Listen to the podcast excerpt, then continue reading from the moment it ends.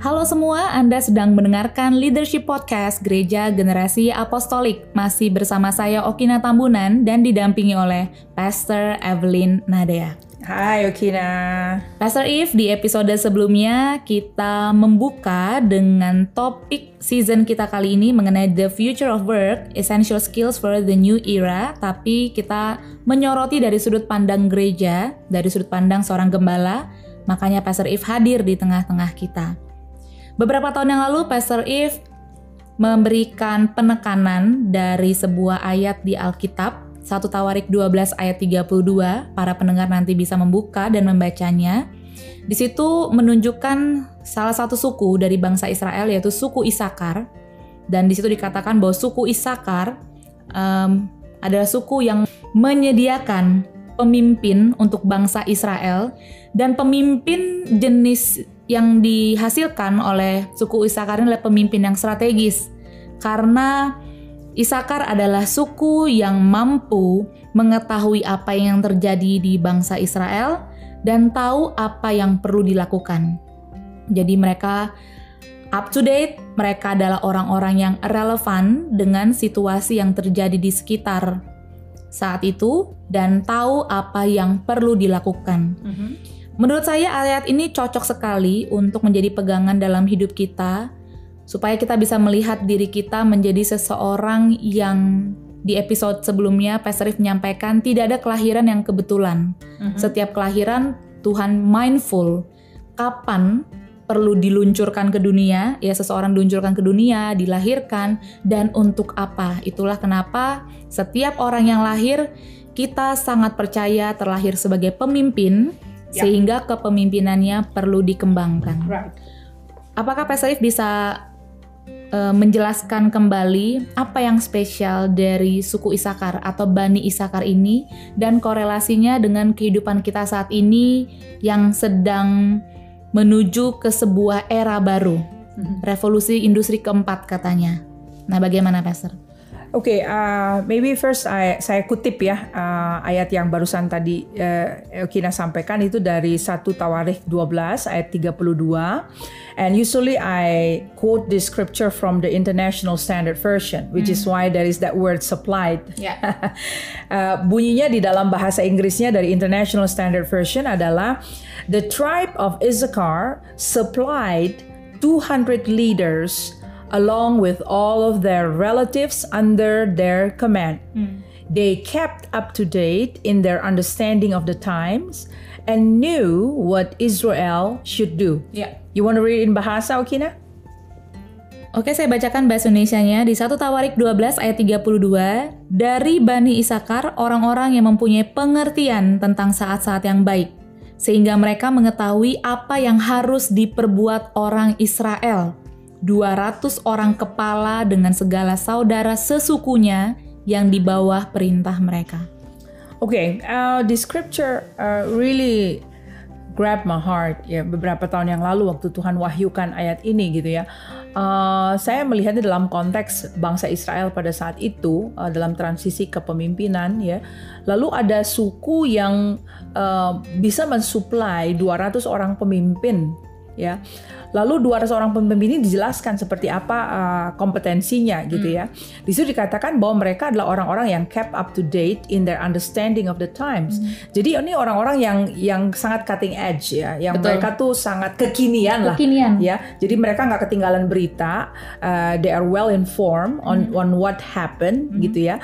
Uh, and and and they have insight mm-hmm. ya jadi tidak hanya berita yang memang memang beredar tapi juga heavenly insight yeah. gitu ya lalu uh, and knew what Israel should do. Mm-hmm. Nah, ini yang menarik sekali adalah bahwa tidak hanya they are full of insight, but they also come up with strategic planning. Yeah. They they know what the na- what the nation of Israel should do yeah. on that particular time. Yeah. Ya, pada saat seperti itu mereka harus ngapain gitu, tindakan apa.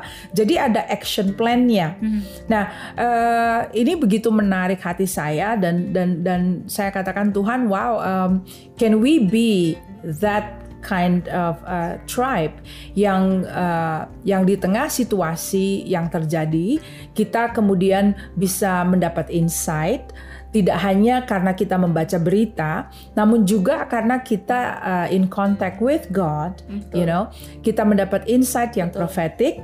Lalu apa yang kita lihat both from the from the news and also heavenly insight itu membuat kita kemudian tahu memformulasi tindakan hmm. apa atau rencana tindakan apa yang perlu dilakukan. Yeah. Ya. Oke, okay. and then uh, dalam skala kita sebagai individu, what should I do with my life? Hmm. And then what should I do among my people di societyku, di tempatku bekerja, bagaimana aku harus berkarya, right? So, uh, saya, yang saya maksud di sini influence-nya kemudian tidak hanya diri kita, Uh, tapi kemudian juga lingkungan tempat kita bekerja, bagaimana kita harus berkarya, bagaimana kita harus berfungsi, rencana kerja apa yang dilakukan, and then it that sphere kemudian menjadi grow bigger yeah. ya di masyarakat, di lingkungan masyarakat kita, di tengah-tengah bangsa kita, yeah. gitu. So itu yang kemudian menjadi kerinduan saya, and I, I be, uh, ever since that time I begin to put that in context di dalam bagaimana saya uh, menggembalakan dan bagaimana saya providing the environment untuk jemaat bertumbuh sehingga mereka tahu uh, bahwa uh, mereka adalah orang-orang yang bisa mendapat insight dari surga. Betul. Namun juga perlu tetap in contact atau perlu tahu uh, dengan situasi kondisi yang terjadi pada saat ini. Betul, saya setuju sekali Pastor If karena ini yang membedakan kita sebagai orang-orang ditebus oleh Tuhan kita adalah gereja yang membedakan kita adalah kita mampu relevan dengan apa yang terjadi saat ini di dunia, namun kita juga relevan dengan heavenly insights yang tadi Pastor If sampaikan. Karena ini adalah bagian yang dunia tidak bisa berikan. This insight ialah right. ini kan hanya bisa diberikan oleh pencipta langit dan bumi, pencipta hidup kita. Itulah kenapa gereja memang adalah sekumpulan orang-orang yang cutting edge, yang tadi Pastor sampaikan, yang kekinian dengan apa yang terjadi. Nah ini memang berkaitan dengan skill nomor dua yang akan kita bahas hari ini. Um, kalau yang episode sebelumnya kita bahas mengenai complex problem solving skill, hari ini kita akan bahas mengenai skill critical thinking. Ini berkaitan sekali dengan satu Tawarik 12 ayat 32 tadi. Critical thinking adalah keahlian untuk menganalisa, menguji data dan informasi bahkan asumsi, memberikan pertanyaan-pertanyaan esensi untuk mengevaluasi sebuah situasi yang ditangani, yaitu adalah critical thinking. Saya juga punya rekan-rekan yang mungkin sudah menduduki sebuah posisi kepemimpinan, situasi semakin kompleks dan sulit, mm -hmm. akhirnya mengalami kesulitan dalam area ini. Dan mungkin kalau pendengar teman-teman pendengar semuanya mau mendapatkan yang lebih lengkap, maksud saya bisa mendengarkan episode yang sebelumnya. Nah, pertanyaan saya kepada Pastor Rip adalah, sebenarnya apa manfaat dari memiliki critical thinking dalam kehidupan kita sehari-hari, dalam pengembangan diri, dan bagaimana cara mengembangkan skill ini? Ya, uh, kita pertama-tama mesti lihat juga ya, critical thinking itu bukan sekedar menyuarakan kritik. Betul. beda ya, memberi yeah, yeah. kritik dengan berpikir kritis itu beda sekali, yeah. beda sekali. I think I spend quite a time ya di beberapa tahun yang lalu untuk menguraikan ini di tengah-tengah komunitas kita yeah, gitu ya. Betul. Karena kalau sekedar mengkritik, yeah uh, saya suka bercanda tuh ada tuh kalimat-kalimat saya saya bilang it doesn't take an intellectual to actually criticizing. Yeah. itu mah nggak nggak perlu gitu ya. You, know, you don't need to be highly educated in order to uh, criticize. Untuk mengkritik itu tuh nggak perlu. Mungkin mengkritik itu bahasa kita sehari-hari itu asbun ya asal bunyi yeah. gitu everybody can do that Betul. ini nggak beres nih nggak beres yeah. nih nggak beres nih yeah. gitu ya and and we don't want to produce a generation full of critics yeah. enggak lah gitu ya yeah. tapi yang kita mau adalah orang-orang yang bisa berpikir eh, kritis. Uh, kritis ya. Jadi bukan mengkritik tapi berpikir kritis. Nah, kalau sudah di, sampai pada pemikiran uh, yang kritis, then you begin to observe a situation.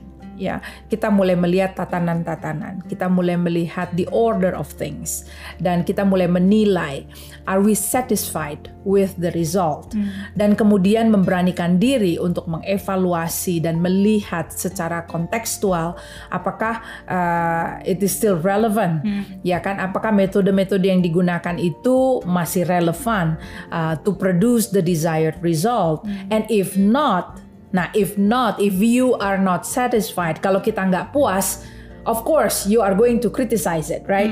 Tapi tidak hanya berhenti sampai di mengkritik, gitu kan? But to think critically, untuk berpikir secara kritis. If you do not like that result, then what? What can be done? Is there anything, you know, apakah ada sesuatu yang bisa diimprove, diubah, diutak-utik, ya kan? Nah, uh, critical thinking ini kemudian me- me- menuntut seseorang untuk bisa melakukan analisa, setelah mengobservasi, melakukan analisa, lalu menguji analisa-analisa tersebut, gitu loh, dan menghasilkan the alternative solution, Ya. menghasilkan uh, apa? Metode yang menjadi alternatif gitu kan dalam whatever ya dalam whatever situation ya jadi kita tentu di sini akan menguji cobanya tidak hanya eh, jangan langsung berpikir besar oke tatanan negara No, kenapa mesti pikir tatanan negara kalau belum tatanan rumah tangga belum beres? Tatanan diri sendiri. Tatanan diri Eh, sendiri iya. gitu ya. Eh, Kan mesti dari sana dong. I mean, if you're faithful with little, Alkitab katakan God will entrusted you with more. Iya. Gitu loh. Jadi kita lihat tatanan-tatanan itu gitu. Are you satisfied with that? And and then you you critically think Ya. apakah perlu diubah. Nah, gitu loh. Jadi, perkembangannya itu secara bertahap, Ki. Ya. Jadi basis dari berpikir kritis itu adalah ketidakpuasan dengan situasi atau hasil yang diharapkan gitu ya, Ya. Pastor. Ya, jadi agak akan berbeda kalau misalnya hasilnya sebenarnya kita tahu tidak memuaskan tapi kita tidak melihat itu perlu diubah juga jadinya sulit ya. kalau tidak menjadi kebiasaan gitu. Iya, iya. Bahkan kita bisa melihat loh benih-benih berpikir kritis itu dari sejak masa kanak-kanak ya. Itulah kenapa berpikir kritis dan nakal itu agak berbeda. Jadi bagi Anda yang memang memiliki kemampuan untuk berpikir kritis secara natural, kembangkanlah. Namun bagi yang belum apa tuh Pastor bisa menjadi saran yang kan ada orang-orang yang memang memilih untuk stabil aja, go with the flow. Ya, I think kalau kalau ada orang-orang yang go with the flow ya, sometimes you need a rock in your boat. Ya, kadang-kadang kayaknya kapalnya perlu agak digoncang, you know, and and uh, God is so good in doing and allowing that. Iya, iya. ya, crisis In will allowing ya, ya, in allowing. Crisis will rock your boat ya, krisis akan menggoncangkan kapalmu gitu ya. Dan dan pada saat krisis terjadi dan uh, mau tidak mau ha- akan ada analisa gitu ya karena eh terganggu kan gitu Ya. ya. Nah, dari gangguan itulah kemudian uh, karena kita manusia ini is a creature of habit Ki ya. Ya. Eh, kita tuh ya kalau udah begini ya Ya, begini aja ya. gitu. Same old, same old, kenapa juga mesti berubah gitu Ya, kan. ya. And then there is interruption. Ya. There will be crisis. And when crisis come, interruption happen in our life, we begin to see. Mm-hmm. I- mau nggak mau kan, ada yang kemudian tergugah untuk berpikir Eh, iya ya kenapa begini juga it Ya. can be better loh Ya, kan gitu. Tapi ada yang kemudian menormalisasikan. Iya. Ya apa boleh buat ada juga Menormalisasikan ya. Mestinya itu tidak normal tapi dinormalkan ya. Iya. Iya iya iya iya betul betul. Nanti mungkin but- butuh bigger crisis kan gitu. Ya memang dalam dalam hidup kalau kita bisa lihat orang-orang yang mencetak sejarah atau para inventors itu mereka adalah orang-orang yang dimulai dari berpikir kritis, mengkritisi apa hal-hal yang normal tapi sebenarnya tidak normal. I think I would like to insert juga Niki yang uh, saya masukkan di dalam sistem berpikir kita ya. Uh, I learned it from uh, Simon Sinek. You know, uh, you start with why. Ya, start with why. Ya, uh, saya ingin supaya kita menjadi generasi yang berpikir kritis karena we are strong in the why. Ya. Ya. It's not that ya memang udah begini dari sononya begini gitu ya. Yeah. lalu kita tidak lagi dan, dan kita akhirnya meneruskan sesuatu yang kita sendiri nggak jelas. Dulu kenapa sih? What is the purpose of this thing gitu Betul, kan? betul. ya. Does it still serve the purpose? Ya. Kan? Ah, dengan metode-metode yang ada apakah serve yang Yeah. kita yakini atau uh, founding fathers atau para pendiri ya. uh, inginkan apakah itu sudah betul-betul terlaksana? Jadi ini per- contoh-contoh pertanyaan yang kritis ya tadi. Iya, jadi uh, you start with the why, Iya kan? Why are we doing what we doing? Iya. Ah, is eh, kadang-kadang why-nya masih oke, tapi Iya. metodenya mungkin is it still relevant, Mm-hmm. ya kan? Atau bahkan sudah melenceng jauh, we are no longer answering the why. Iya. Kita udah nggak tahu lagi, iya kenapa ya? Mm-hmm. Nah yang kayak gini nih, hal-hal ini yang kemudian menggugah terjadinya Hmm. analisa dan evaluasi. Ya, saya setuju. Jadi start with why. Mm-hmm. Uh, why adalah question of purpose, question of clarity mm-hmm. yang kita bisa mulai praktekkan dalam kehidupan kita sehari-hari. Mm-hmm. Thank you Pastor If. Kita akan lanjutkan topik ini di episode berikutnya.